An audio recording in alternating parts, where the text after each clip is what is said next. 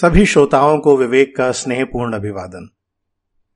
मित्रों, हम में से अधिकांश लोगों ने बचपन में अपने भविष्य के बारे में कुछ सपने अवश्य देखे होंगे। पर क्या हम स्वयं से उस मार्ग का चयन कर पाए जो हमें हमारे सपनों के पास ले जाता?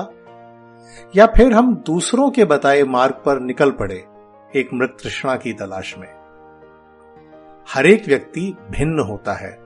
और उसे ईश्वर से भिन्न भिन्न क्षमताएँ मिली होती हैं। इसलिए ये बहुत आवश्यक है कि बच्चों को उनकी योग्यता और रुचि के अनुसार आगे बढ़ने का अवसर दिया जाए और उन्हें ये स्वतंत्रता दी जाए कि वो अपना मार्ग स्वयं चुन सकें।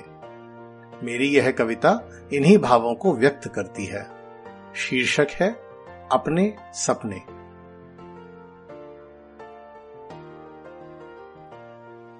ए मुन्ने, तू मुझे बता, तेरे क्या क्या सपने हैं? कौन से हैं औरों ने चुने, और कौन से तेरे अपने हैं? कदम कदम पर लोग कहेंगे, क्या करना है, क्या नहीं? इधर उधर की राह पकड़कर, भटक न जाना, तू कहीं। बाकी सबकी बातें छोड़, बात तू अपने दिल की सुन। तेरी मंजिल जो रास्ता जाए, रहा वही तू खुद से चुन। मछली को तुमने देखा है, क्या कभी पेड़ पर चढ़ते, या किसी बाज को तुमने पाया, कभी ऊंचाई से डरते?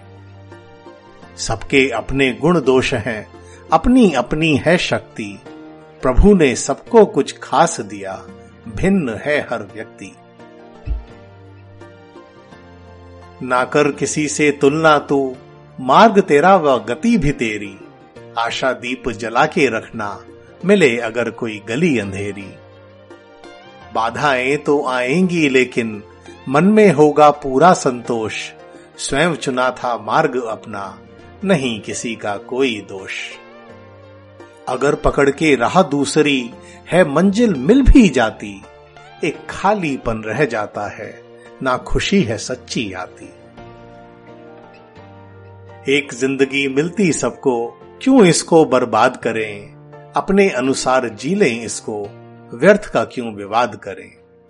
ज़िंदगी अगर एक चित्र है तो तुझे ही इसे बनाना है।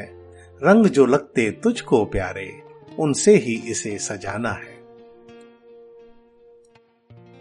यदि आपको यह कविता अच्छी लगी और आप मेरी अन्य कविताओं को सुनना चाहते हैं तो आप मेरे पॉडकास्ट को अपने मनपसंद ऐप पर सब्सक्राइब कर सकते हैं।